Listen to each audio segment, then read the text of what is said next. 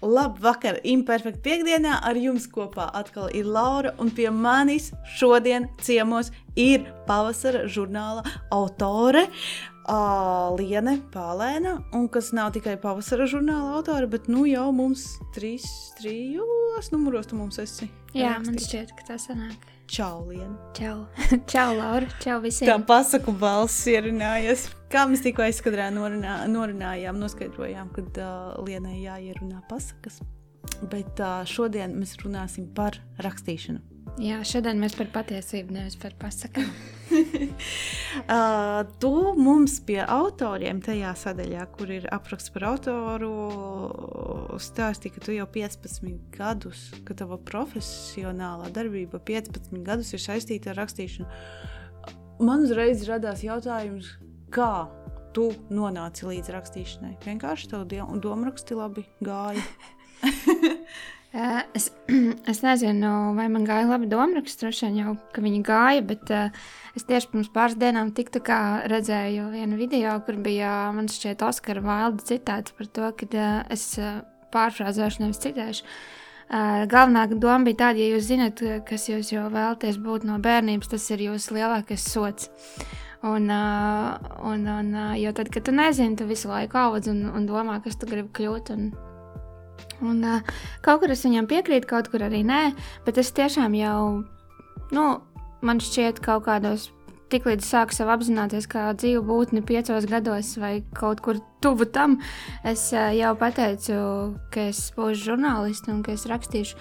Droši vien ne ar tādiem vārdiem, ka es būšu žurnālists, bet nu, ka es gribu rakstīt. Piecu gadu vecumā tu jau to izdomāji. Bet es vēl nemācīju rakstīt. Tad es jau biju Bet, tu jau eh, manifestēji, man, man, ka tev nu būs. Nu, man būs. nav vispār bijis nekad nevienas citas domas, ko es gribētu dzīvē darīt. Es nezinu, kāds ir, ka tu nevari izdomāt, ko tu gribi darīt. Es nezinu, kāds ir, ka tu gribi kļūt par kaut ko citu. Es zināju tikai to, ka es gribu rakstīt. Un, uh, Un man bija tāds uh, šoks, kad es aizgāju uz vidusskolu, uz citu skolu, ka tur cilvēki nezināja par 10, 11, 12 klasē, ko viņi darīja. Un tu skaties un brīnījies. Un es skatījos un brīnījos, jo jo mēs jau salīdzinām pēc sevis. Un, uh, es uh, zināju jau no agras bērnības. Es atceros, ka man, tas jau bija vēlāk, ne piecos gados, bet nu, man kaut kādos pusauģu gados uh, bija tāds žurnāls, tagad es nezinu, kurš no tiem bija, vai sīrups, vai nu, kāds no. no Laba mana. Jā, sīrups, kāds no tiem. Un, uh, un tur bija uz vāka Lauris Reiniks. Uh, Un, um, tur bija neliela intervija ar viņu. Un nevis tāpēc, ka viņš būtu mūziķis, bet tāpēc, ka viņš tobrīd studēja um, Latvijas Universitātes, uh, manuprāt, sociālās zinātnes fakultātē žurnālistiku. Un es biju izgriezis to interviju, man bija tāda mapīte, kuras glabāja visu, kas ir saistīts ar, ar žurnālistiku un ar, uh, ar to, kā cilvēki to mācās. Un, es ļoti apzināti uz to gāju, un uh, es izdevu pirmās skolas avīzes pati no sākuma zīmēju un rakstīju. Tad arī printers pieslēdzās lakajos gados. Un, uh, un tāpēc es saku, ka man profesionālā darbība saistīta, jo es tiešām no 18 gadiem esmu strādājis. Sākumā tā bija vietējā rajona avīze Limbažos. Pēc tam uh, tie bija visādi rakstu darbi, bija tāds žurnāls mērķis, tur es rakstīju. Uh, vēlāk jau uzreiz arī augstskolā sāku strādāt Un uh, tā žurnālistika vienkārši un tekstu rakstīšana sāk vīties cauri. Tā kā es arī īsti neko citu neesmu darījis. Un, tu vienkārši nezinu. neko citu nemāki. Paldies! Dažreiz es šaubos, vai es arī šo māku, bet tas laikam visiem uznāk šīs šaubas, vai, vai viņiem nav viltvāršu sindroms, par ko starp citu, man liekas, bija raksts arī šajā imperfekta numurā. Jā, Ksenija Andrijānova. Ļoti labs raksts man patīk. Visi, man liekas, tā var aizdomāties arī paši par sevi, vai tiešām tā nav.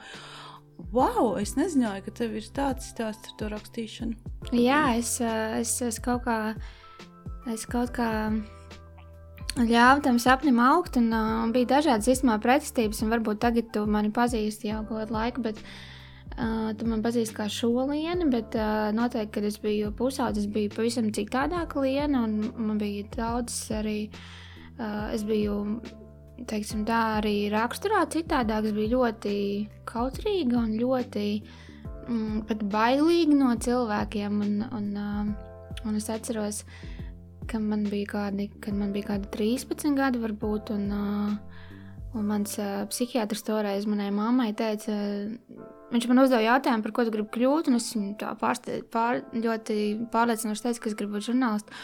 Un viņš manai mammai teica, nu, varbūt jums jāpadomā kāda cita profesija, jo diez vai viņa varēs būt. Bet nevis tāpēc, ka viņš neticēja, ka es varu rakstīt, bet tāpēc, ka manī vienkārši nebija tāda. Nu, Nu, Liela sociāla spēja vispār es svīdu, tiklīdz jau ieraudzīju kādu cilvēku, un vienmēr bija slapjas rokas. Un, bet tas sapnis vai tas mēģinājums bija lielāks par tiem visiem šķēršļiem. Un, uh, Tā rakstīšana vienkārši kaut kur manī, manī bija jau no, no agras bērnības. Un tas ir pārsteidzoši, jo es lasīju, iemācījos septiņos gados, pirmajā klasē.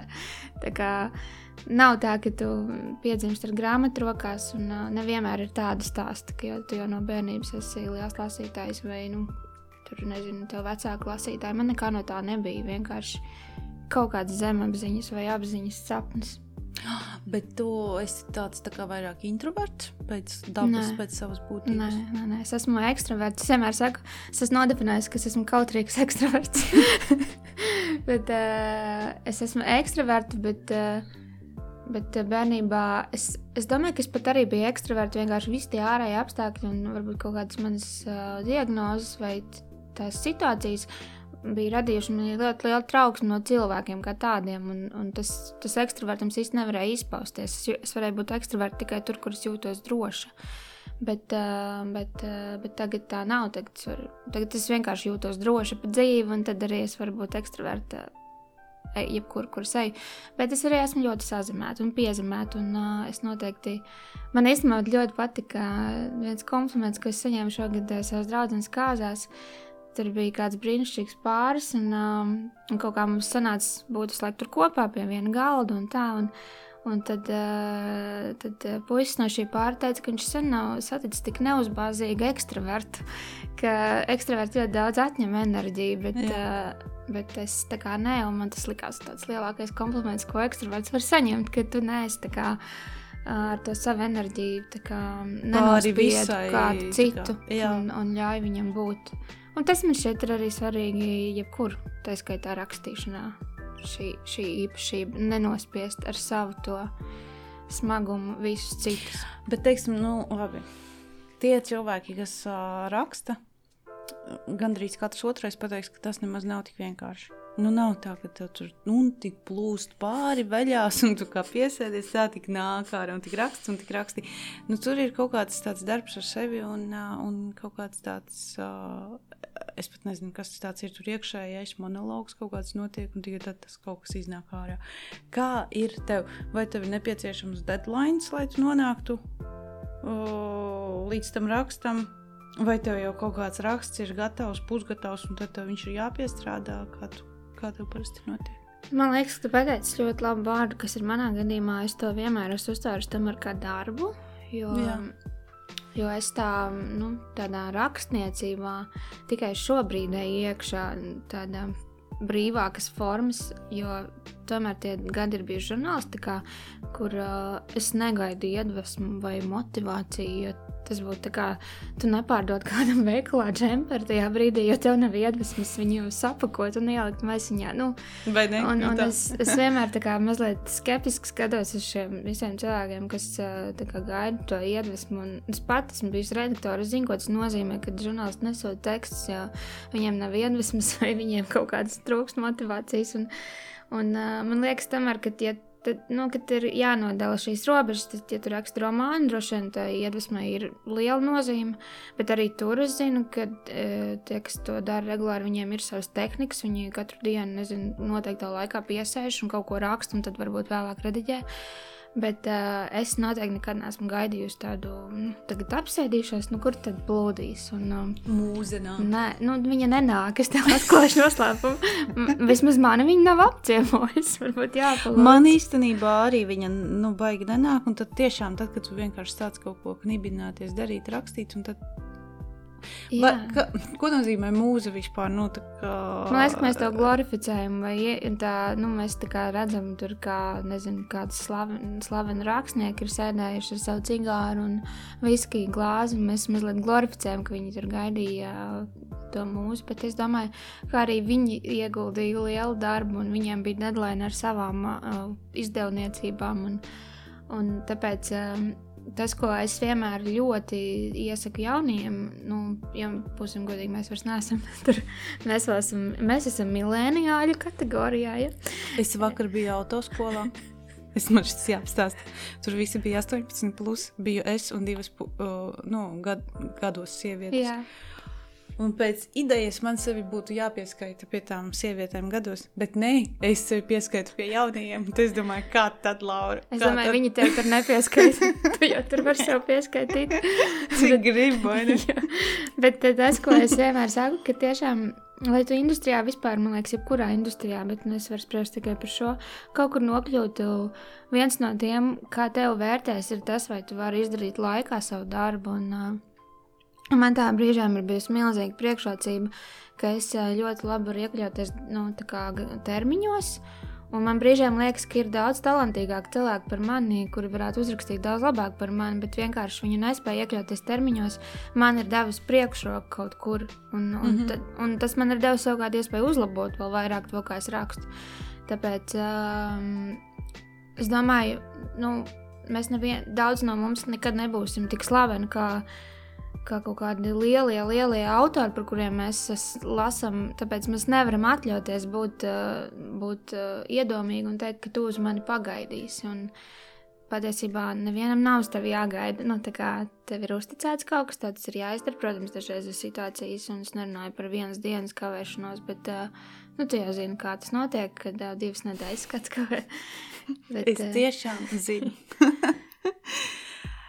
uh, bet tu Nu, tu re, re, raksti, ka tu esi daudz rakstījusi gan, uh, gan produktu aprakstus, gan mājaslapu tekstus, gan intervijas, gan reklāmas tekstus, saukļus, uh, sociālo tīklu ierakstus, nu visu kaut ko, visu kaut ko. Bet kas tev pašai ir tāds uh, tavs uh, mīļākais formāts? Mm. Vai ka, ne, varbūt, varbūt tev nav, bet kas tev sanāk, varbūt vieglāk? Vai tieši otrādi, kur ir jāpiedomā, bet tad tu esi priecīga, ka tu esi šo izdarījusi? Uh, Jā, laikam tas um, nu, ir formāta viedokļi. Man vislabāk patīk rakstīt salīdzinoši īsus tekstus. Un, un tas ir diezgan nu, unikāli, kas to saka, jo agrāk es būtu teikusi pilnīgi pretējo. Es varēju interviju izvērst uz četriem atvērumiem un uh, 20,000 zīmēm. Bet kaut kā laika gaitā es sapratu, ka māksla izteikties eh, īsāk patiesībā ir vēl daudz lielāka nekā izteikties garāk. Un, eh, un, eh, Jā, un, un, un tāpēc man ļoti ir iepaticies rakstīt tādus salīdzinoši īsākus tekstus. Viņiem nav jābūt, es nerunāju par saukļiem vai par kaut kādu Twitter lielumu ierakstiem, bet uh, teksti, kas ir, nezinu, 4, 5 tūkstoši zīmju, nu, maksimums varbūt 8 tūkstoši ir ir kaut kāds mans apjoms. Jo tur es sakoncentrēju visu patiesībā, ko es gribu pateikt, un, un nav tās liekvārdības. Un es kā autors noteikti esmu cilvēks, kurš eh, maksimāli izvairās no liekvārdības. No, es uh, cenšos nodot vēstījumu um, nevis ar maksimāli mazāk vārdiem, bet, bet bez liekas lirikas un bez liekas tādas. Um, Nu, es nevarētu uzrakstīt zaļo zemi. Nu, es tiešām nevarētu aprakstīt. Es viņu izlasīt nevarētu. Kur arī nevarēju. bet, uh, un, un es domāju, ka tas ir talants to uzrakstīt, bet es vienkārši esmu sapratusi, ka tas nav mans talants. Un tev nevajag sevi spiest būt tur, kur, uh, tur, kur tev nav jābūt. Tāpēc, um, jā, mans formāts noteikti ir rakstīt uh, salīdzinoši īsāk. Mm, ja man jautā par to, par ko man patīk rakstīt, Tad uh, man īstenībā ļoti patīk rakstīt uh, visādus uh, produktu aprakstus. Un, un, ja man patīk atklāt katra šī produkta vai, vai vietas, vai nu, to, to esenci. Un, un es saprotu, ka man tas arī padodas. Bet nu, tagad, um, pēdējā gada laikā, līdz ar rakstniecības studijām, protams, esmu sākusi rakstīt arī par sevi personīgi svarīgām tēmām, un tas man ir bijis ļoti liels izaicinājums, jo es tos 15 gadus, kamēr esmu rakstījusi, vispār nekad par sevi neko neesmu rakstījusi. Tiešām Jā. tas ir bijis mans darbs, es to esmu darījusi ar mīlestību, bet es nekad mājās aizjūt vairs negribēju. Nu, apcerēt dzīvi vai apcerēt kaut kādus savus ikdienas notikumus. Tā kā šobrīd mans mīļākais formāts ir rakstīt par sevi. Žurnālā imperfekta pavasara numurā. Bet uh, tev bija, kāds bija nosaukums par uh, pieskarties? pieskarties. Jā. nevis pieskāriens, bet pieskarties. Uh, tas bija tāds arī uh, ļoti. Jā, tas ir mans izaicinošs, uh, nu, nopublicēt. Jā, ļoti, ļoti. Šis raksts vispār ir tapis manu studiju ietvaros. Jā. Un, uh, un uh, Viņš nāca diezgan grūti, jo tad, kad tev ir jāraksta kaut kas, un tu nezini, par ko tad nav, mums tik viegli atrast to tēmu, bet atkal tas tev uzliek to sajūtu, ka tev tas ir jāizdara.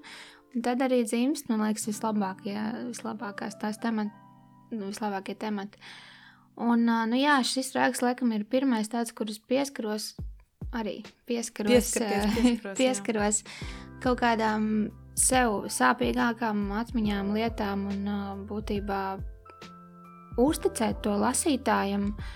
Tas nav viegli, jo nekad nezini, kurš to lasīs un, un kā to interpretēs. Kā, tas man bija īstenībā ļoti drosmīgs solis. Es pat, es pat šaubījos par šo, vai vajadzētu publicēt, bet tad es nedaudz uh, ieklausījos savos kursu biedros, savā pasniedzējā, kas ir uh, rakstniece Jāna Egla, kur, uh, kuri man iedrošināja, ka, ka tas ir jālasa arī citiem. Nu, tad lasiet. nu, nu, tad, mīļie draugi, pērciet, lasiet. Bet es uzreiz pabrīdināšu, nekā tur nu, nav tā, ka tas ir kaut kas dramatisks vai kaut kas, varbūt tev tas bija pašai izkāpt un kaut jā, ko uzrakstīt, bet jā. man kā lasītājam uh, tas ir kaut kas varbūt tikai nojaušams.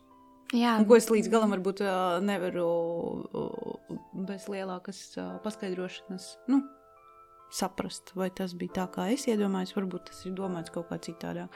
Tu tur tā, tā proti aprakstīt, tā, ka nevar izskaidrot pēc tam. Un, un tur vispār tas viss bija saistībā arī ar, ar tādu tā kā arī satikšanos un randiņu pieredzi. Jā, kas arī ir ļoti. Nu, tā nav viegla tēma. To, tā, tas ir katra cilvēka tāda iekšējā pasaule, ka viņš iet cauri, tā ir jūtu pasaule. Tas mm. arī ir grūti aprakstāms uh, process. Jā, bet šķiet, nu, interesanti. Nu, interesanti ir noteikti. Uh, Pastāstīja klausītājiem, kuriem nezinu, kas tas bija. Ko es tur darīju? Ja? Būtībā stāstā galvenais motīvs ir, ir, ir tas, ka es piekritu aiziet līdzi savai draudzenei uz pasākumu, kurš, kurš nozīmē to, ka mēs uzliekam sev acu apsējas un tad iepazīstamies ar, ar svešiniekiem ar aizsētām acīm. Un, tas viss notiek vairāk tādā pieskārienu formātā, Un, nezinu, tur sadodoties rokās, dejojot, veicot galvas masāžu. Pat galvas masāžu? Jā, jā. jā. tas viss ir tāds ļoti, nu, noteikti nekā tur nav ne vulgāri, ne, nekā tur nav tāda briesmīga. Tur katrs nosaka savas robežas. Un, uh, Un tas vairāk ir tāds jā, piedzīvojums, um, iepazīt cilvēku caur um, nevis tā pirmo iespēju, caur to, kā tu viņu redzi, kas tev varbūt viņā uzreiz vizuāli patīk vai, vai izraisa kaut kādas emocijas, bet caur balsi, caur pieskārieniem, caur to, kā viņš tev liek justies. Un... À, runāt bija ļauts. Jā, jā, runāt varēja. Mēs tas daudz runājām, smējāmies arī, jo tas diezgan arī atver to aizsargu barjeru humorim, jo tu esi tādā ļoti, nu, teiksim tā, nu, sensitīvā situācijā. Nu, jā, un tas stāsts tāpat tādēļ, ka es nevarēju izdomāt, par ko es gribu rakstīt savu, savu noslēgumu darbu rakstniecības kursā. Un, un es priecājos, ka es tur aizgāju, jo es tur noteikti nekad nebūtu aizgājis. Mans, mana rakstura būtība nav tāda, kas, kas gribētu iet uz šādiem pasākumiem.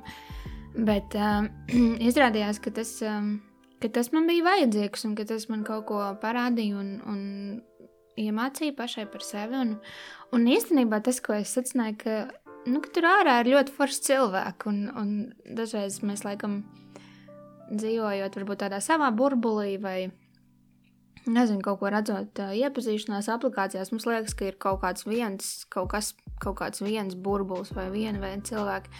Tad šādi pasākumi noteikti atver kaut kādas saprast, wow, ir arī tādi cilvēki un, un tādi cilvēki. Un tur bija tādas pat, nu, kundzes jau, jau savos labākajos gados. Un, Tas tā kā un, man autoskolā.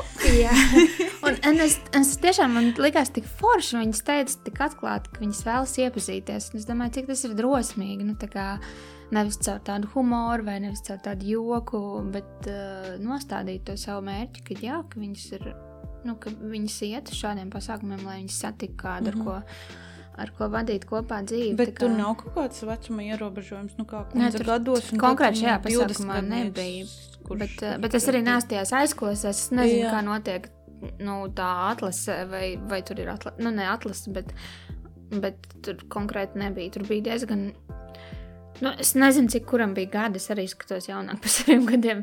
Bet nu, visi bija pilngadīgi. Tas, un, un, uh, un, un, un, nu, jā, līdz ar to, protams, mans mērķis nebija atrast savu nākamo dzīves draugu. Īstenībā mans mērķis bija citādāks. Un, varbūt tāpēc man nebija tik svarīgi. Kā. Bet interesanti tas, ka varbūt tā pasaule ir nogurusi no, no Tindera. Un, kad tas ir kaut kas pavisam cits, nu, tad uh, mēģinām iepazīties šādi, nu, kaut kā interesantākā veidā. Bet, uh, bet man radās jautājums, kā, nu, kāda ir beigās. Kas notiek? Beig... Nu, kas ir notiek? Nu, tur ir uh, uh, tur galvas masāža, tur kaut kas ir parunājies, tā, tā, padējot, tur vēl kaut ko. Nu, pieņemsim. Jā.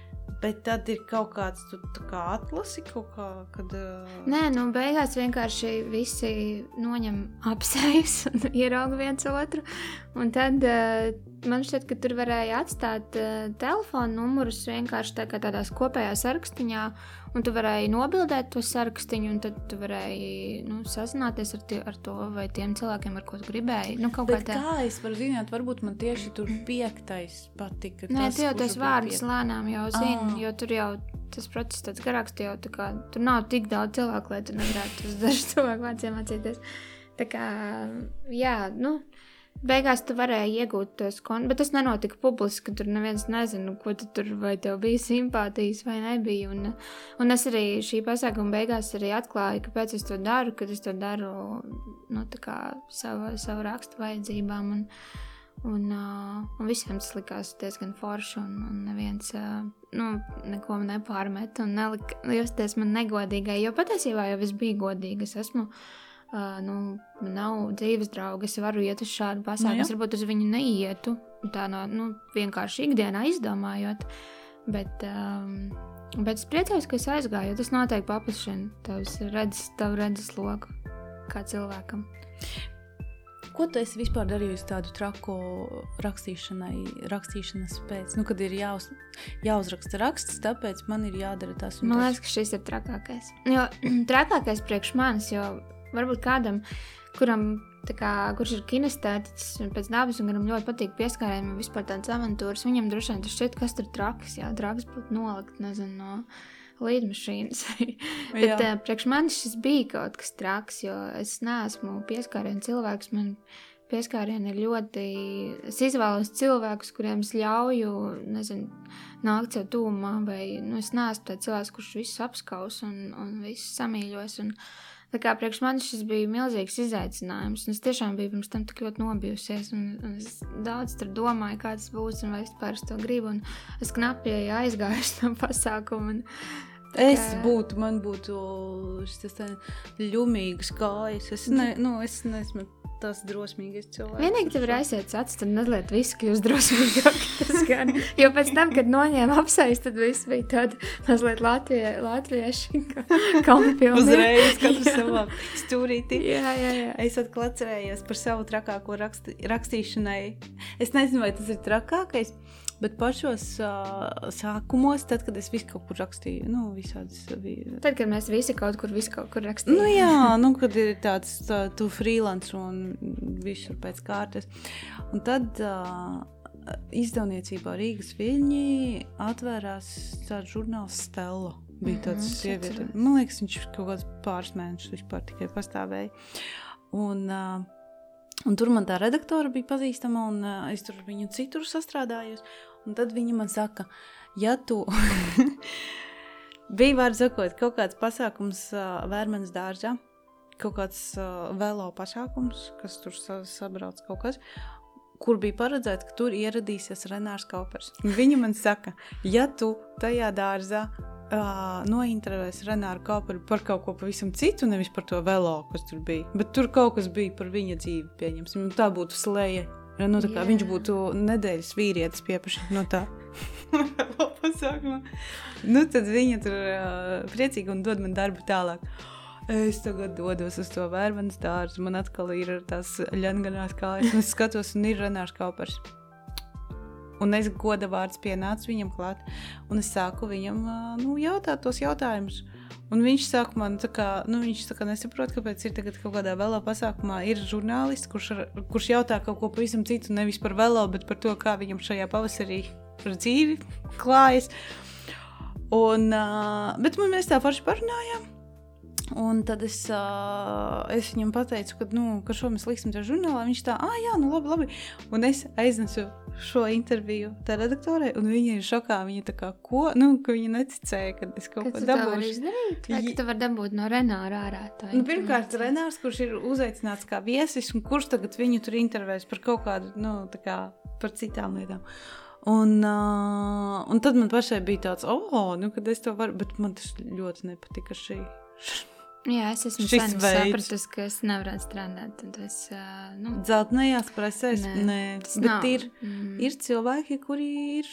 Un arī kuriem sanāk, un kuri Jā. ir ļoti mm, korekti un patiesībā, nu, jā, ir izveidojuši labas attiecības ar, ar šiem dažādām slavenībām. Un, kā, man tas liekas cienījami un tā, bet es zinu, ka es kā cilvēks vienkārši Es pateiktu, labi, labi, nevajag. Vai arī tik līdz to sākt stāstīt kaut ko, nē, nē, nē, nevajag tik personīgi. Cik tādā to visu var sarakstīt? Jā, man tās dzeltenās preses arī, bet, nu, redz, nu, mūsdienu tā Instagram pasaulē jau viena dzeltena presa vien ir, viens par otru kaut ko tur Kaut ko tur, kaut kaut ko tur, tur paraksta, ko komentē ko un palasa un pakomentē. Bet kā tev ir ar kaut kādiem tādiem sociālo tīklu ierakstiem? Vai tu esi kaut ko darījusi tādu tā kā reklāmas tipu? Jā, daudz. Bet um, es domāju, ka, ka katrs, kas, kas, ir, kas ir strādājis freelancā, es arī strādāju desmit gadus freelancā. Desmit gadus tu strādāji mm -hmm. freelancā? Jā, jā. Tev tas nebija grūti? Nē, Nē, man patika. Bet uh, līdz brīdim, kad nepatika, tad es vairs nestrādāju freelancā. Bet ne, labi, kas ir pats grūtākais un kas ir pats vieglākais strādājot freelancā? Nu, vieglākais droši vien tā brīvība, ka tu vari pats noteikt kādu savu laiku. Grūtākais droši vien disciplīna, bet kā man ar to nebija ļoti liela problēma, tad es nevaru teikt, ka tas ir grūtākais. Bet, bet arī varbūt tā, nu, tā nestabilitāte droši vien. Jo tu nezini, vienu mēnesi tev var būt tik daudz darba, ka tu netiec galā nākamajā mēnesī. Atkal nē, un tas noteikti ļoti labi parādījās tik līdz sākās Covid, eh, ka vienkārši visi freelance darbi atkrita, jo, nu, tā kā visi bija mazliet eh, uzmanīgi un nezināja, ko gaidīt no tā. Un tad noteikti drošāk bija tiem, kas nu, strādāja tādās uh, stabilās darba vietās. Bet tā, tā man pārliecība vispār ir vienmēr bijusi tāda, ka, ja tu esi labs savā jomā vai tu labi strādā, tu nekad nepaliksi bez darba, un, un tev vienmēr atradīs, vai tu atradīsi. Tāpēc um, vienalga, vai tas ir, vai tas ir freelancā, vai tas ir kaut kur kā pamatdarbā. Nu, es vienkārši ticu, ja tev ir spēja rakstīt nu, tieši par šo jomu runājot, tad arī tad tevi arī atradīs un piedāvās tās iespējas. Bet freelancā strādājot, Tu pati meklēji tās iespējas, vai, vai nu? Nu, gan, gan sākumā droši vien jā, bet tad jau vēlāk uh, par tevi nu, dzird un, un tevi iesaka, un, un tā viņi sāk nākt pie tevis. Un kas neapšaubām ir ļoti forša sajūta, jo tad saproti, ka tu kaut ko dari pareizi. Uh, bet arī ir bijis tā, ka es pati piedāvāju, varbūt man ir bijušas kaut kādas idejas, un es aizsūtu kaut kādam izdevumam, un, un, un, un tad esmu tur publicējusies. Uh, Uh, bet nu, tādi lielāki un stabilāki droši vien tie darbi man ir nākuši, nu, tie ir freelancē nākuši ar to, ka mani kāds atrod vai iesaka. Man arī ir, ir izstrādāts portfolio, kas man bija aktuāli tad, kad es biju freelancē. Man ir mājaslapa. Uh, kuras esmu salikusi savus darbus arī.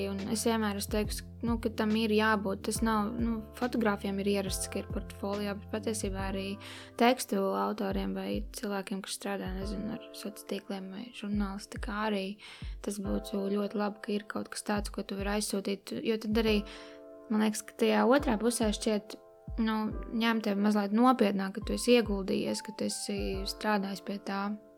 Tā kā, jā, un tad ir arī cilvēki, kas man ir atraduši vienkārši dažreiz vēl atrod caur, caur to lapu, jo viņi kaut kur tur ir. Es viņu šobrīd ļoti aktīvi neizmantoju, man ir pamatdarbs, bet, bet tas ir pierādījums tam, ka tas strādā. Kaut kur Google biezogņos var atrast labu. tas jau forši, bet uh, tu kaut kādus blogus nekad nesi mēģinājis rakstīt. Nē, es kaut kad esmu to rakstījusi savus blogus, tad, kad es dzīvoju Slovenijā pirms daudziem gadiem. Man bija bloks, kā man tur gāja un, un tā.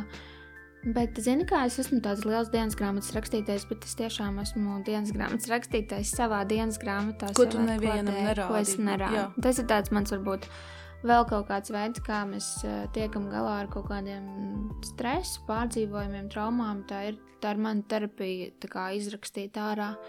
Un uh, es, neme, es mēģinu arī nepārlasīt to, ko es tur rakstu, jo es tur nedomāju par valodas kvalitāti vai par, nezinu, labskanību vai tīrību. Es tur domāju vienkārši izrakstīt no sevis ārā to, kam nav jābūt manī, to, kas nesīs kaut kādas negatīvas sajūtas vēlāk.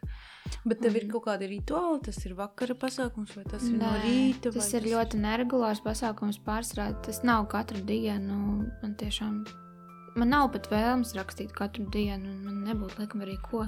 Dažreiz ikdiena ir vienkārši tik garlaicīga. tas arī jāraksta. Šodien un, un, bija ļoti garlaicīga. Un tas man diena. arī patīk. Un es saku, dažreiz man patīk, ka ikdiena ir ļoti garlaicīga. Es negribētu Jā. dzīvot konstantās notikumu virpulī. Bet uh, tad, kad man ir kaut kādi smagāki periodi bijuši, jā, es diemžēl laikam esmu tāds rakstītājs, kas raksta, kad ir smagāk. Es nemāku rakstīt uh, par priecīgākām lietām, nu, tīri savā dienas grāmatā. Vispār jā, bet ne savā dienas grāmatā. Un tad, uh, tad tiešām tas ir kalpojis, ka es katru dienu vienkārši sēžu un rakstu savus sajūtas. Un tagad, skatoties atpakaļ, dažreiz pārsvarstu varbūt pēc kādas uh, smagākas šķiršanās uh, vai kad tev ir bijusi salauzta sirds, kā tu jūties. Un tas iedod tādu nogriežņu sajūtu, ka tu paskaties, wow, cik tu īstenībā tādā zemā punktā biji un kur tu esi tagad. Un tu vari tā Un dažreiz, kad liekas, es nekur neesmu tālāk tikusi, es aizvien kaut ko jūtu, vai, vai sajūtu, vai nāk kaut kādas emocijas, un tu apskaties tos ierakstus, un saproti, nē, tu esi tik tālu tikusi, kā diena pret nakti, un, un tas man ļoti palīdz. Tā kā arī terapijā, kad es esmu gājusi, rakstīšana ir viens no, no šiem rīkiem, kā, kā nu, rea, nu, tikt galā ar kaut kādām savām emocijām. Tāpēc es to noteikti redzu kā brīnišķīgu instrumentu, kas var palīdzēt vienkārši to ikdienas kvalitāti uzlabot. Man šķiet, ka šajā žurnālā arī Ulrika Upe par to rakstīja, par tām mm -hmm. radošajām metodēm. Viņa arī pieskārās tam. Uh, pēc šīs Julijas Kameronas metodes, ka katru dienu tu rakstīji, nezinu, 40 minūtes, piemēram, un, un tu nepārlasi to. Un vēlāk vienkārši nu, tas veicina to radošumu, tas attīstīja kaut ko, tas kaut kur varbūt tevi sakārto. Un, Tā kā jā, es esmu par to, bet nu, es to nedaru regulāri. Bet es to daru tad, kad man to vajag darīt. es esmu piekopusi to no rīta rakstīšanu, kad tu pamosties. Un pirmais, ko tu dari, tu apsēdies ar kafiju un raksti visu, kas Dievs, tur varētu kādā. uzrakstīt, tikai es gribu gulēt. Visu laiku vienu un to pašu gribu gulēt. Gribu gulēt. bet Bet tur tā metode bija tāda, ka tu raksti visu, kas tev nāk ārā. Tu kā, nu, ļauj prātam vienkārši laist ārā, lai tu attīri prātu. Un tad es paskatījos, ko es tur esmu sarakstījis. Es domāju, ar mani. Tāpēc dievs. iesaka nelasīt. kas man vienkārši tur galvā darās. Nu, tā, Vai arī, ja citreiz tas ir tāds kaut kāds uh, uh, satrakojies, un tu raksti visu ārā, kas tev tur ir šī tā doma, tā doma, vēl kaut kādas 20 domas. Uh, Un tad tu to visu izraksti, un tad pasēdi un padomā, un kas no tā visa tev ir vajadzīgs tajā galvā. Tev tas vispār viss nav vajadzīgs. Dažreiz piebāzts ar kaut ko vispār. Jā, dažreiz nekas no tā nav, un tāpēc labi, ka tas paliek uz papīra. Un, un, un... Es ceru, ka mans draugs to nekad nelasīs. Bet... ir tās atslēdziņa nopērkamās dienas grāmatas. Tad viņš domās, ar ko es kopā dzīvoju ārprāts. Ar cilvēku, kas, nu, kas vienkārši strādā ar savām emocijām. Viņam būtu jābūt laimīgam, ka viņš dzīvo ar cilvēku tādu. Tu bieži ierunājies par tām terapijām un šādām lietām. Tu esi, es saprotu, diezgan daudz staigājis pie. Staigājis. Piestaigājis. Piestaigājis. Jā, es apmeklējusi esmu, šāda tipa esmu cilvēkus.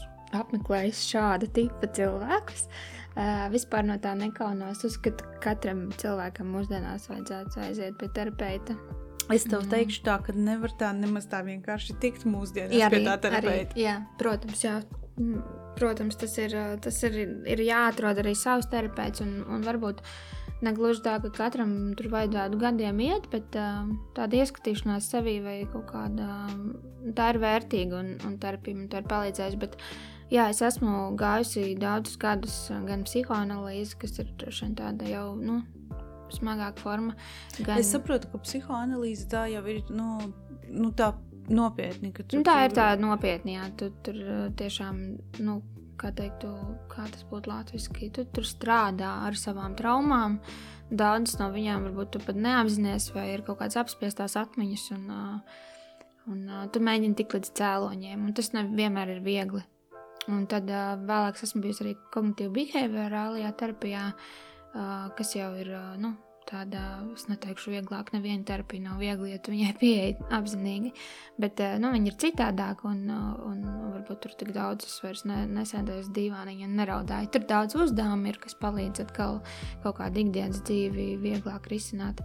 Bet jā, es vispār esmu tāds mentālās veselības. Um, Fans. Nu, vēstnesis vai fans, vai kā to nosaukt. Es domāju, ka mums katram ir jārūpēs par savas mentālās veselības higiēnu, jo mēs ietekmējam arī citus cilvēkus. Un, un ja, mēs, ja mēs ar kaut ko netiekam galā, mēs visbiežāk to, to arī noreaģējam uz citiem cilvēkiem. Un, un tad vienkārši rodas tāda neveselīga ķēdes reakcija. Un es to arī esmu darījis daudzreiz un ar daudziem cilvēkiem. Un, Un, un es domāju, jebkurš, kurš, kurš, nav, kurš nav strādājis ar sevi, vai arī pat, ja cilvēks ir strādājis ar sevi, kādreiz mēs to darām. Bet tāpēc es, tāpēc es nekaunos no tā, kas esmu tur bijusi. Un man liekas, ka šobrīd es neju terapijā, es jūtos arī ļoti stabili. Un, bet tik līdz es justu vajadzības, noteikti tur atgrieztos. Man joprojām jokaini šķiet, ka mēs kautrējamies no tā. Nu, Tu arī tikko teici, es no tā nekaunos. Nu, kāpēc lai kādam būtu jākaunās? Nu, Bet mēs to joprojām darām. Es domāju, tas vienkārši nāk no tādas. Um, nu, mans gadījums, protams, ir tāds, ka es tiešām man diagnosticēju um, 13 gados, laikam, jau veģetatīvo distoniju. Tad, kad vispār tas bija par to 22 gadiem, es, man liekas, nezināju, ka ir tāda diagnoze. Un, uh, un ko tad tu viņu diagnosticēji? Ja Nē, nu, zināju jau ārsti, bet nezināju tā, nu, tādā Sabiedrība, plašākā jā, sabiedrībā jā. par to tā nerunāju. Un, uh, un tad es arī atceros to, nu, es tiešām atceros to sajūtu, uh, kā bija, kad uh, kad skolā, pamatskolā man bija vairākas situācijas, kur, kur tiešām izpaudās vai nu šī man depresija vai veģetīvā distonija ar dažādām trauksmēm un lēkmēm. Un, uh, tas, ko es bieži saņēmu, un es tiešām nevainoju ne šos skolotājus, ne šos cilvēkus. Viņi, es teicu, ka katrs dara labāko, ko var izdarīt. Bet es tiešām bieži saņēmu, ka, nu, tu neesi slima, tev ir vienkārši izlutināta, tas ir pusauģu vecums, nu, vai dažādas argumentus šāda veida, kas nonivelē to, kā tu patiesībā jūties. Un, un, tāpēc man patiesībā šī diagnoze, vai nu, man kāds kā validēja to, ka uh, tas nav kaut kas, ko tu vari vai ko tu esi izvēlējies, vai ko tā vari ietekmēt, ka tiem ir kaut kāda ķīmiska procesa tavā smadzenēs, ka tam ir kaut kāda arī medicīniska jēga vai nozīme, kāpēc tu reaģēji tā vai citādāk. Man tas ļoti atbrīvoja, un es patiesībā nekad, man šķiet, tā neesmu kaunējusies un vienmēr esmu aizstāvējusi to, ka ka tas ir ok par to runāt, un ir, ir galvenais ir nevis vienkārši par to runāt, bet arī kaut ko darīt sav, savas veselības labā. Bet, tas nav kaut kas tāds, par ko tev vajadzētu nu, kaunēties vai nolikt to stūrītī. Jo Um, es domāju, ka arī tas ir veidojis kaut kādu daļu manas identitātes. Kā es tik agrā vecumā jau ar to saskāros, es jau patiesībā nezinu, kādas būtu, ja man nebūtu šo lietu, un es būtu, nezinu, tikai 29 gados, piemēram, pirmo reizi piedzīvojis panikas laiku. Es domāju, tas būtu pilnīgi citādāk, bet tas kaut kādā veidā formēja to manu identitāti. Un, Un, uh, es esmu bijusi tajā vidē, dažādās sanatorijās, slimnīcās, kur ir, ir bērni ar dažādām psihiskām saslimšanām. Es esmu redzējusi to jau no bērnības, kā tas ir. Un, uh, un tas man ir palīdzējis vienmēr izprast nedaudz vairāk cilvēku, vai, vai nenosodīt tik ātri, vai netiesāt, un vienmēr kā, skatīties mazliet kā, dziļumā un saprast, no kurienes nāk šīs lietas vai reakcijas, kā mēs, kā mēs uh, reaģējam vai sāpinam otru.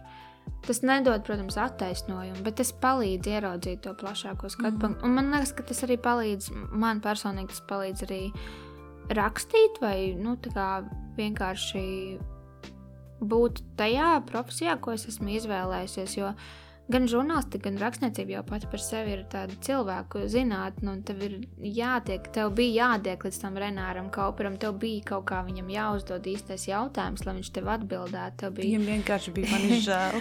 bet arī tas bija jāmāk parādīt, bet tā ir, tev ir jāmāk cilvēku, nu, tas, tas tā ir māksla, un, un ja tu esi empātisks vai tu māki Man liekas, tur ir cilvēku, iejusties. Tad, jā, ir jāmāk iejusties. Jā, tas iedod tev. Jā. Man liekas, tas iedod tādu handikapu dzīvē. Tā es vienmēr saku, ka šī ir bijusi lieliska skola. Un, lai gan es to nenovēlu nevienam, jo nu, nevienam nebūtu jāpiedzīvo panikas lēkmes un, un dažādas lietas, ko es piedzīvoju jau no mazotnes. Bet uh, tāpat laikā es to redzu kā skolu, kas man ir veidojis. Un, un, un man patīk skatīties atpakaļ un vienmēr teikt, ka oh, tā liena, tā liena bija kaut kas cits, un šī liena ir kaut kas cits. Un varbūt pēc 30 gadiem tā liena stante būs vēl kaut kas cits. Un, uh, līdz ar to jā, es, es arī tāpēc. Uh, Tāpēc, tāpēc arī esmu lēnām sākus rakstīt par tām kaut kādām, nu, nezinu, jā, personīgajām lietām. Jo es jūtos beidzot tā savā dzīvē, ka viņas vairs mani neformē, un ka, ka tās lietas, um, ka, e, ka es varu skatīties uz, uz tām no malas, es varu tās izanalizēt, es varu vairs nebūt tik ļoti dziļi emocijās un, un stāstīt jums, kā man sāpēja, un kā tas bija, un kā cik drausmīgi, un, un, un tagad jums jājūt man līdzi, jo man neko no tā nevajag vairs. Man to vajadzēja agrāk kā bērnam, kā jaunietim. Man vairs nevajag neko no tā. Un tā ir brīnišķīga sajūta, jo tu esi, nu, tu esi, vē, tu esi stabils. Un, uh, un mēs tieši šodien lekcijās runājām par, par šo te. Par traumu attēlojumu literatūrā, un tur bija brīnišķīga atziņa, ko, ko man pasniedzēja Zana Gutmana, kas ļoti skrupulos patiesībā pēta tieši šo tematu. Savā, savā pētniecībā teica, ka tā atšķirība var būt, ka tu redz, ka cilvēks nav izsāpējis un viņš raksta par kaut kādiem ļoti sāpīgiem notikumiem, piemēram, par holokaustu vai par mm, vārdarbību, izvarošanām. Ka tur ir daudz, tur ir distancēšanās, tur ir kaut kāda disociācija, tur ir lēkāšana laikā, telpā, tur ir nu, tāda, uh, varbūt arī tādas smagas emocijas. Bet, ja cilvēks ir izsāpējis un viņš jau ir uh, ticis kaut kur. Viņš ir izgājis tam, tam lokam cauri, viņš ir izanalizējis. Viņš uz to var sākt skatīties intelektuāli. Viņš var jau būt, jā, kur viņš jau pats izvērtē, kā viņš par to grib rakstīt, ko viņš par to grib teikt, kā viņš vispār grib nodot to informāciju. Un man tas likās tik vērtīgi, jo, jo piemēram, kad es lasu, es ļoti daudz lasu dažādas holokausta izdzīvojušo stāstu grāmatas. Un, kad es lasu tādas stāstus, kur, kur, kur vienkārši cilvēks ir izgājis nu, ne, vienkārši neaptveramām lietām cauri, mm -hmm. bet, bet raksta ar tādu cieņu, mīlestību un, un tiešām intelektu un tādu izglītotību, es saprotu, ka iespējams viņš nekad netiks līdz galam izsāpēts, jo, nu, būsim godīgi, to nav tik viegli droši vien izdarīt. Bet tu redzi, ka, ka tas cilvēks, ka tā trauma vairs neformē viņu, ka tā ir vienkārši daļa no viņa dzīves. Nu, viņš ir tāds tā kā izkāpis ārā jā, no sevis un, un var... paskatās no ārpuses jā, uz, uz sevi. Jā. Jā. jā, tieši tā. Bet, ja tu tagad atceries sevi tajās kaut kādās pirmajās terapijas reizēs, Uh, es saprotu, ka tu biji bērns, jauns bērns. Uh, Nē, terapijā jau es vairs nebiju bērns. Tad viņš nu, tādā, ja mēs runājam, tad. Uh, Bērnībā es gāju pie psihiatra, tas ir mazliet citādāk. Jā. Mēs nerunājam par manām sajūtām, jautājumu. Bija diagnoze, mēs viņu ārstējām, tur zāles, tur ir procedūras un tā tālāk. Paldies! Paldies maniem ārstiem, paldies maniem vecākiem, kas tajā laikā bija tik gudri un vispār aizved mani pie šī ārsta, jo tiešām nu, neviens, neviens par to nerunāja. Terapijā patiesībā es sāku iet tikai 28 gadu vecumā. Un, Bet kas bija tas punkts, kāpēc tu izdomāji visu tagad sevi? Tāpēc, ka es sapratu, ka, ka mana dzīve ir pilnīgi ne tāda, kāda es viņu gribēju. Ka viņi ir, ka es vienkārši esmu apspiedusi tās savas traumas tik ilgi, ka, ka es pat vairs nezinu, kas es esmu. Nu, tā kā, ja to var kaut kā mēģināt izprast, ka, ka mani formēja tikai mana trauma, mani mm -hmm, formēja mm -hmm. tas, ko es biju piedzīvojis, mani formēja tas, ka man bija kaut kādas diagnozes uzstādītas, uh, mani formēja kaut kāda cita viedokļa par mani. Uh, mana humora izjūta, kā aizsarga mehānisms, paldies Dievam par to manam tētim, kuram ir laba humora izjūta. bet, uh, bet tās visas lietas, viņas es nezināju, ka, kas es tur esmu tajā visā stāstā. Un, uh, un varbūt tas izklausās tā līriski un emocionāli šobrīd, kas tu saki, bet tā bija patiesībā ļoti smaga un nospiedoša sajūta, jo man šķita, ka es pat nezinu, vai manā priekšā ir kaut kāda nākotne, tādā, nu, labi, profesionālā ziņā, jā, bet uh, runājot, piemēram, par attiecībām, vai es vispār tā kā vai tas ir mans sapnis būt attiecībās, vai tas nav mans sapnis, vai ka, ko es vispār gribu, vai es gribu attiecības. Ar, es runāju par uh, tieši dzīves draugu. Uh, un es sapratu, jā, ka es nezinu atbildēt šiem jautājumiem. Man viņi nav, man tā kā ir kaut kādas priekšstati. Bet, uh, bet man nav ne jausmas, kā tikt līdz tai saknei, un vispār kā to traumu izsāpēt tā, lai tu katru reizi, kad tu par viņu runātu, neraudātu histērijā. Nu, jo tas droši vien liecina, ka tu neesi viņu izsāpējis. Un, un tad, tad, jā, es, es laikam atceros, tagad, kā es stāvēju brīvības un Matīs ielas krustojumā. Un, un es teicu mammai pa telefonu, ka es iešu tajā terapijā. Un, un tas nebija arī, tas nebija nemaz viegli, ne finansiāli, ne emocionāli. Un, bet tas noteikti ir bijis nu, šeit vērtīgākais ieguldījums, ko, nu, ko es varētu izdarīt. Uh, uh, savas, savas nākotnes un savas tagadnes lienas labā. Un tad tie bija tādi daži intensīvi gadi, kuros es arī nonācu līdz atbildēm. Bet uh, cik reizes tev bija nepieciešams, lai tu vispār sāktu atvērties? Teiksim, terapijā, ko es esmu dzirdējusi no ļoti daudziem cilvēkiem, kad nu, viņiem vismaz kādas pirmās desmit reizes viņi runā to, ko viņi paši sev ir ieskaidrojuši, un tikai pēc tam viņi paši sāk sadzirdēt, nu, kas viņiem īstenībā iekšā dzīvo.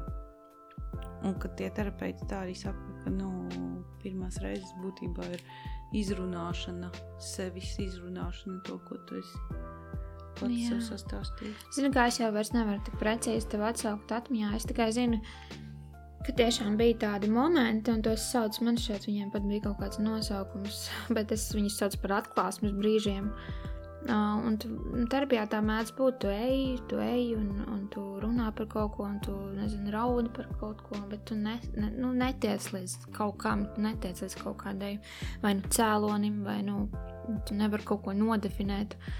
Un uh, tad es atceros, jā, kad es gāju vienkārši kādā dienā pa ielu. Un man vienkārši kā no zilām debesīm bija tāds sprādziens, un, un, un es varēju noformulēt vārdos visu to savu traumu, ko es uh, nevarēju izdarīt līdz tam, tos, nezinu, 20 gadus. Tā kā nu, dažreiz, jā, lai tu nonāktu līdz kaut kādai tai. Un pēc tam no tā punkta es varēju sākt risināt, uh, nu, kā, sākt risināt to traumu un sākt risināt, kā tad uh, man ar to nevis sadzīvot, bet kā man pieņemt to kā daļu no sevis un, un ko man ar to darīt.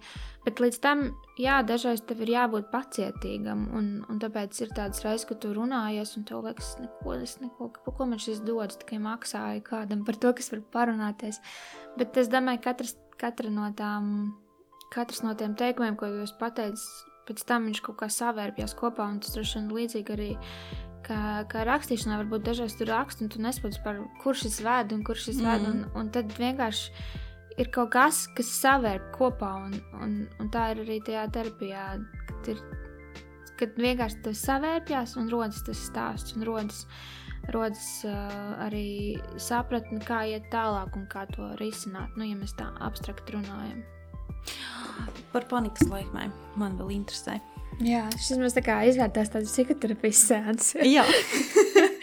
es, es teicu, ka man nav jautājums rakstīts, tāpēc mēs runājam to, kas nāk ārā.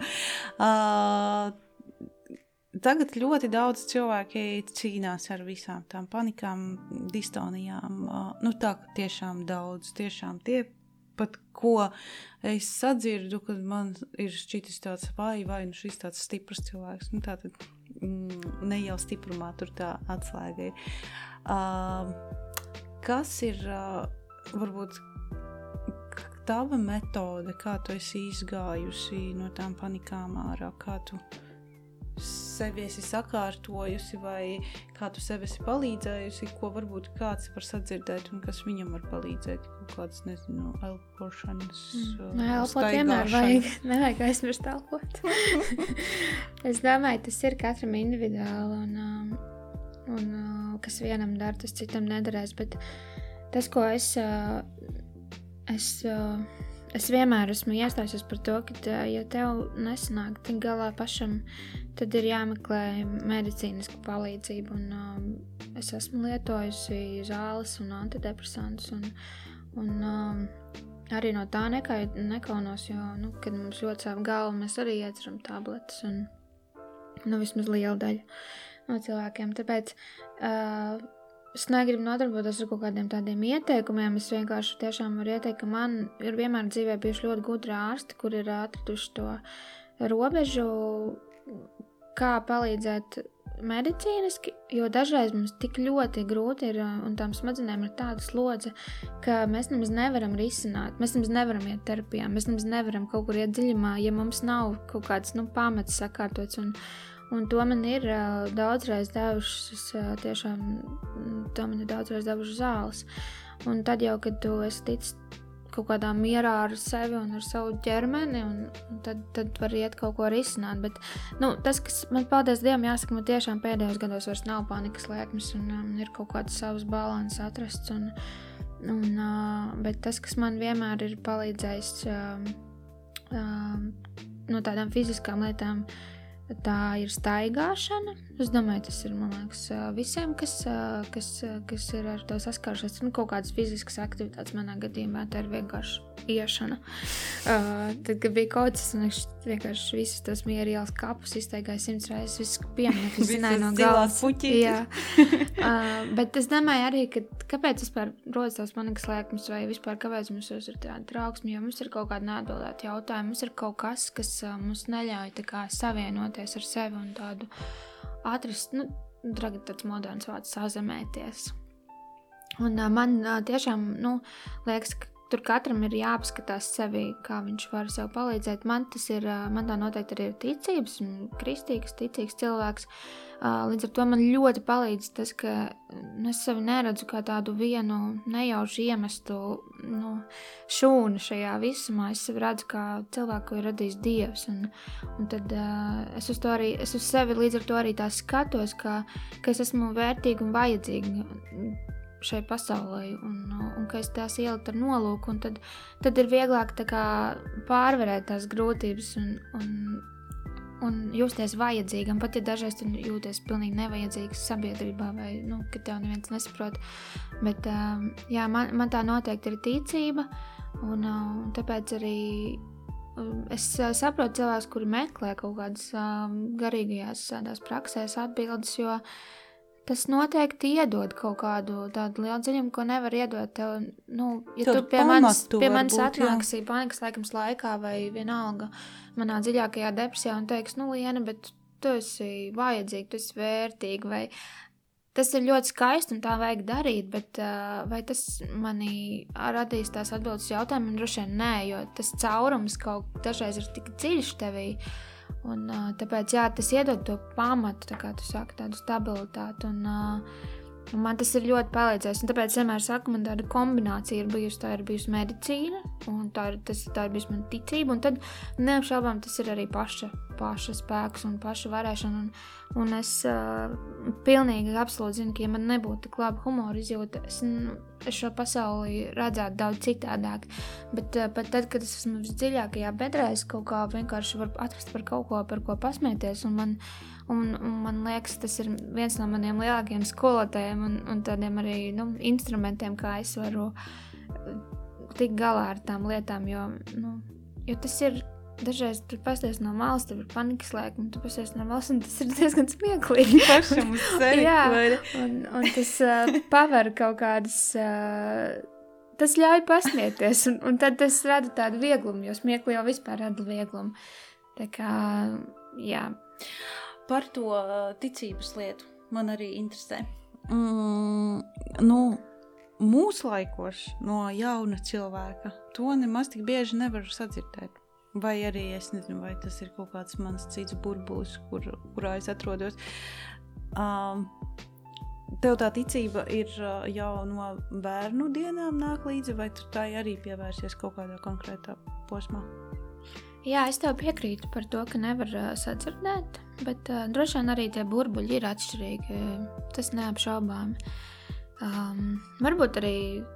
Vienkārši... Vai arī par to vienkārši nerunā daudz mūsu Jā, un nu, tas nu, arī ir, ir tāds par ticību jau nerunā.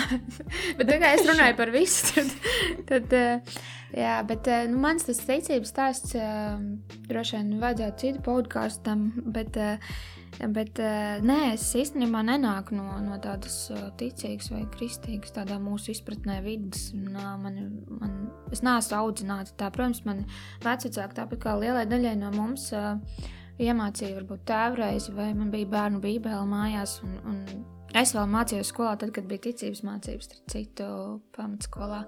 Bet nu, tas viss bija tāds vairāk, nu, kā jau varbūt daļa no kultūras. Nevis. Mēs mm, noteikti negājām mm. baznīcā, mums nebija tāda tradīcija ar ģimeni. Un, um, pat ne Ziemassvētkos man šķiet, jo mēs arī nedzīvojam vietā, kur ir baznīca. Bet, uh, tāpēc es vienmēr saku, ka man, ka man Dievs vienkārši atrada kaut kur tur, kur es biju. Jo kaut kā man vienmēr mm, jā, tas bija tāds mans arī tāds neierasts. Tā kā es teicu, kas no tur agra vecuma zināja, par ko es gribu kļūt, tā man no ļoti agra vecuma bija tādi tiešām lieli jautājumi. Un es atceros, manā māte šodien, šo, šo noteikti vairs neatceras, bet es atceros, kā es viņai gāju. Nu, ļoti maza būdama. Es viņai jautāju, kur palika tie dinozauri, nu, kur viņi palika, kā viņi varēja pazust. Un manā māte un tēvs ir brīnišķīgi cilvēki, bet viņi ir ļoti vienkārši cilvēki. Viņi, nu, domā par to, kā dzīvot, kā pabarot savus bērnus tajā laikā, kā vienkārši darīt savas ikdienas lietas, un tad nāku es vienkārši ar kaut kādiem mistiskiem jautājumiem par to, kur pazuda dinozauri un kā vispār. Un manī visu laiku bija tas, bet kā es rados. Nu, nebija tā, ka es nesapratu, kā es rados no mammas un tēta, bet kā, kāds var būt, ka es varu sev pieskarties, ka es esmu matērija. Protams, es nesaucu to matēriju, bet es, es biju tā kā, es nesapratu, kāpēc neviens nevar atbildēt uz tiem jautājumiem. Un mamma skatās uz man kā uz tādu balto dzīvi irbolu mūsu ģimenē. Un, uh, nu jā, un tad, uh, tad kaut kā bija tā, ka. Uh, tiešām, ka, ka man tā ticība vienkārši vijās pašai cauri. Es, es ļoti ilgojos pēc kaut kā lielāka. Un, uh, un es atceros arī, tad, kad man bija tas smagais bērnības laiks ar tām ļoti stiprām neirozēm, bezmiegiem. Uh, es biju iemācījusies to tēvreizi. Un tā tēvreiz, kad es naktī viņu pie sevis skaitīju, viņa man vienmēr palīdzēja, vienmēr nomierināja. Un es sapratu, ka tur kaut kas ir. Un, kā, varbūt man nebija tādas zināšanas, vai nu, nebija tā, ka pats Jēzus bija atnācis man pie, mhm, pie gultas. Mm -hmm. Bet uh, tas vijās cauri, un tad, kad jau es kļuvu, jau tur gāju vidusskolā, es vienmēr. Es atceros, teicu visiem, ka es aiziešu Rīgas, atradīšu kādu baznīcu. Un, un tā bija tāda mana, manas pašas vēlme, un, un tā arī bija. Un es, uh, nu, es teiktu, ka tā pievērsos ticībai es tiešām tādos 18 gados uh, tā apzināti. Un, uh, tas arī ir bijis ceļš un process, un ir bijuši šaubu laiki un tūkstneša laiki, kā to sauc. Un, un visādi jautājumi, lai gan viņi arī tagad ir, jo es esmu tomēr, nu, es teikšu, izglītots, intelektuāli domājošs cilvēks. uh, tolerants cilvēks. Man ir daudz jautājumu, man ir daudz kaut kas, kas man uh, ir jāatrisina pašai. Un, bet uh, tas nekad man nav līdz apšaubīt uh, to savu pamatu, to, kā es stāvu, to no kā nu, es esmu radīta, uh, ka Dievs man ir radījis. Un, un, uh, Un, lai gan tas varbūt nav tik stilīgi, vai es nezinu, dažiem varbūt tas var šķist jocīgi.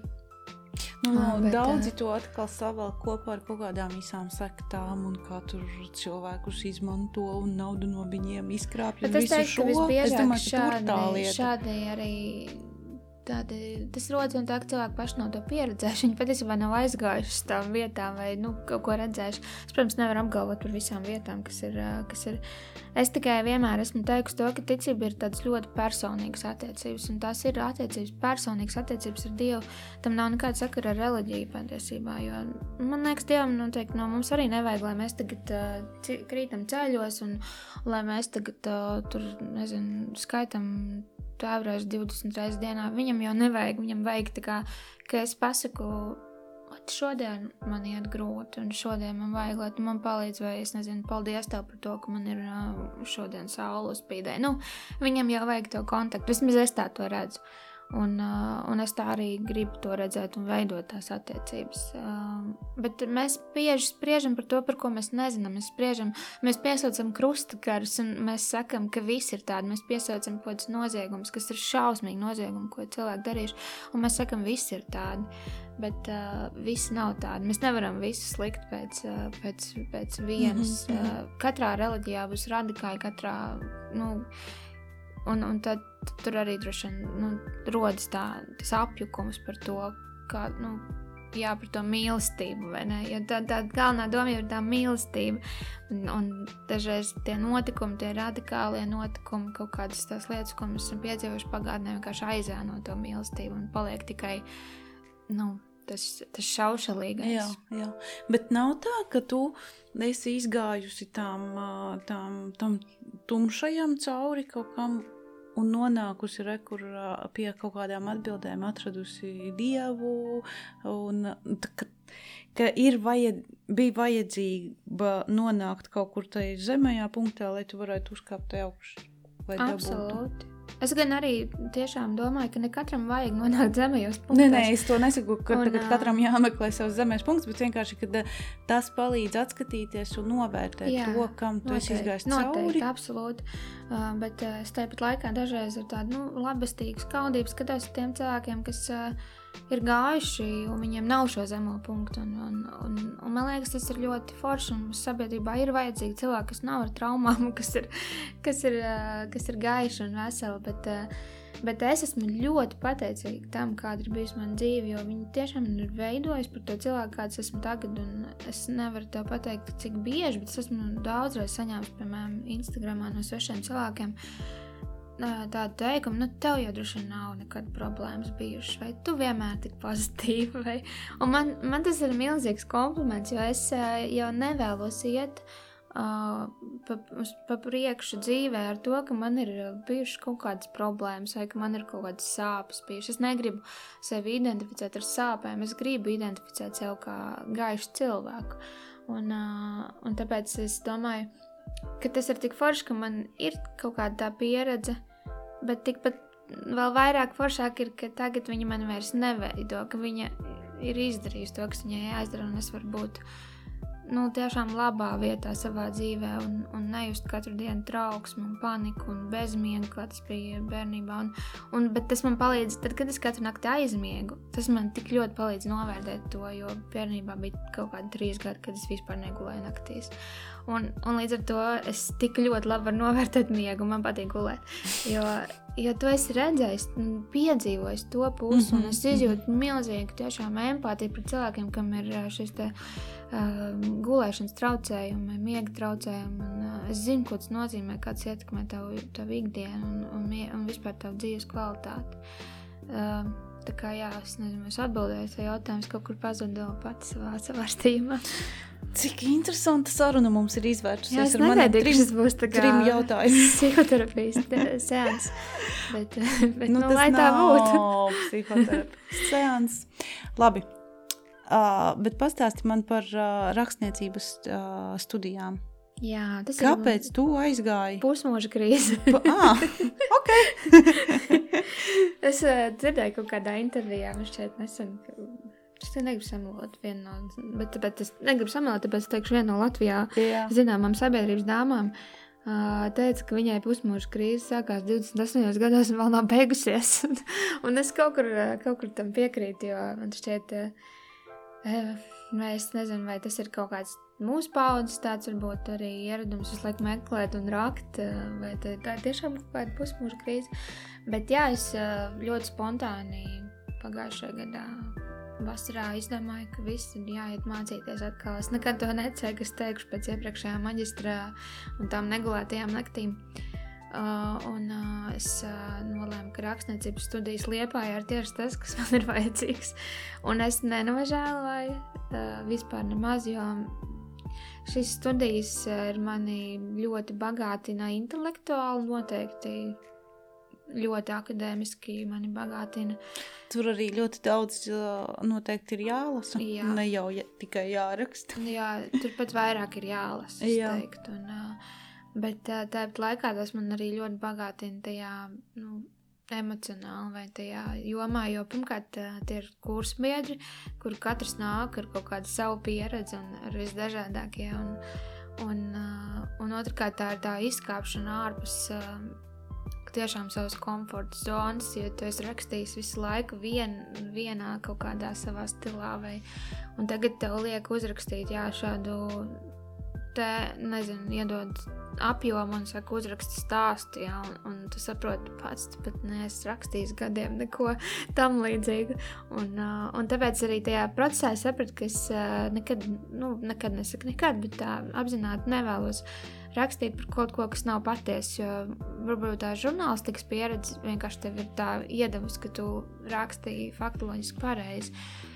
Un es sapratu, nu, ka laikam no manis nesnāks tur, eh, sajien, tur zinātniskās, eh, fantastiskas vai vispār tāds nu, izdomājuma autors. Un tas man palīdzēja saprast, ka katrā no mūsos vai apkārt mums ir tik daudz stāstu, kur ir jābūt, kuriem jābūt izstāstītiem. Un, uh, un katru dienu ar mums notiek patiesībā dažādas lietas, kurām, kuras var būt par pamatu. Viņas var vēlāk tur varbūt jā, apstrādāt mm -hmm. vai, vai izskaistināt. To prozu noteikti neaizliedz, bet uh, man tomēr gribas, lai tas mans pamats vienmēr būtu no kaut kā dzīva un, un eksistējoša. Un uh, rakstniecības studijas man to noteikti ir atvērušas. Jā, šī ir brīnišķīga programma. Tiešām. Bet liepājā, jā. Bet liepājā, jā. Tā kā wow, wow, wow. pilsētā jūs gājāt. Vai pilsētā klātienē jūs mācāties? Mēs mācāmies klātienē, bet nu, mēs netiekamies katru dienu. Mēs tiekamies katru otro nedēļu trīs, trīs dienas no vietas. Jā, tas ir noteikti grūtāk savienojami nekā tas būtu galvaspilsētā, bet uh, no otras puses, katru otru nedēļu dodas kā tādā mini-ekskursijā. Ceļojumā. bet tad jau arī tur ir naktsmājas jā, jāmeklē, jā. un, un Kaut ceļa biedri un, un viss, kas tik Un tas jau arī iedod tādu kopības, nu, daudz, man liekas, daudz vairāk iepazīst savus kursabiedrus nekā varbūt reizi nedēļā aizjūt Rīgā. Jā. Nu, kā, man tas ļoti patīk, jo rakstniecība patiesībā ir tāda intīma lieta, un, un nu, mums bija tā, ka mums priekšā jālasa citiem tie savi darbi, un tas nav viegli lasīt savu darbu priekšā nepazīstamiem cilvēkiem vispār ir izaicinājums.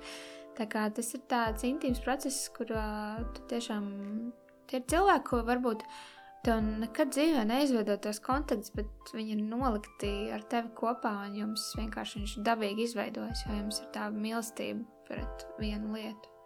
Bet pārsvarā tie kursabiedri, kas ir tavi kursabiedri, viņi arī strādā saistībā ar kaut ko ar rakstīšanu, vai viņi strādā par grāmatvežiem un piepaši ir izdomājuši? Nē, ir arī tādi, kas strādā par, par nu, negluži, nezinu, vai grāmatvežiem, ir juristi, piemēram, mm -hmm. un, bet Bet uh, interesi par rakstīšanu tur ir visiem, un arī spēja rakstīt ir visiem. Un kaut ko katrs ir rakstījis, varbūt nu, tīri tādā savā nodabā.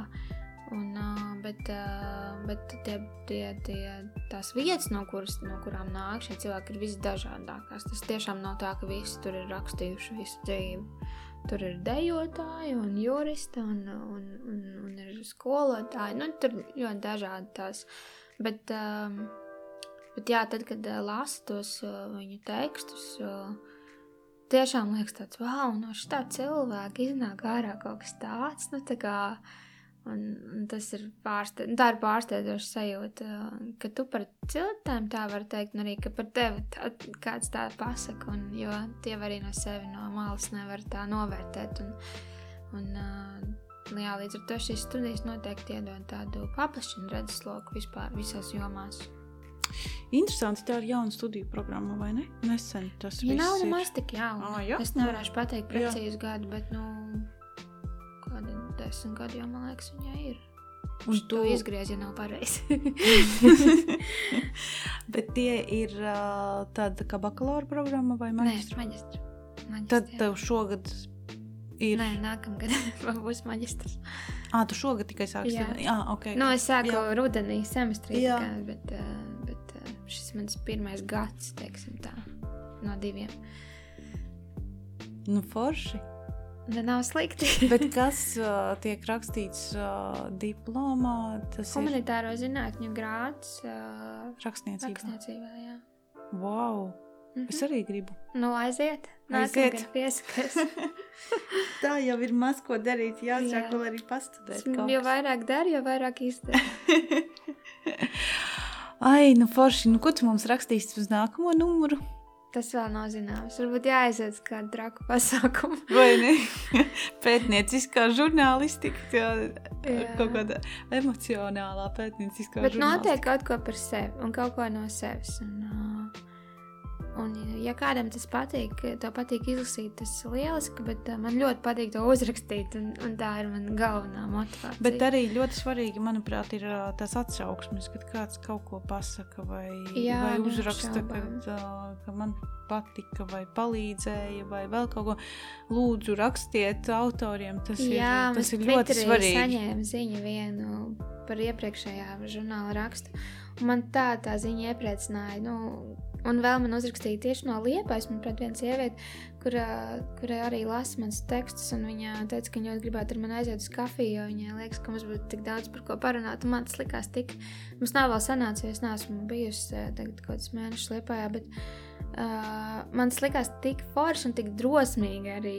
Un, un es tāpat droši vien darītu. Es esmu tikpat drosmīga kaut kādā ziņā. Kā, uh, jā, es domāju, ka var runāt par katru no šiem autoriem, ka tas noteikti iedod tādu ļoti siltu sajūtu, ja kāds tev uzraksta nu, kādus pārdomus vai, vienkā, vien, vai vienkārši paldies par, par to, ka es varēju izlasīt šo tekstu. Man, man diezgan bieži tā. Man, Kad es lasīju tavu, tavu stāstu par tavu labāko draugu, man tiešām bija tāds, ka paldies, ka es varēju izlasīt šo stāstu. Jo tie stāsti dažkārt ir tik personīgi, ka tu jau viņus, kuras viņu varētu izlasīt citur, vai kuras viņu varētu mm, iegūt mm. šo sajūtu, ja es nepazīstu šos konkrētos cilvēkus.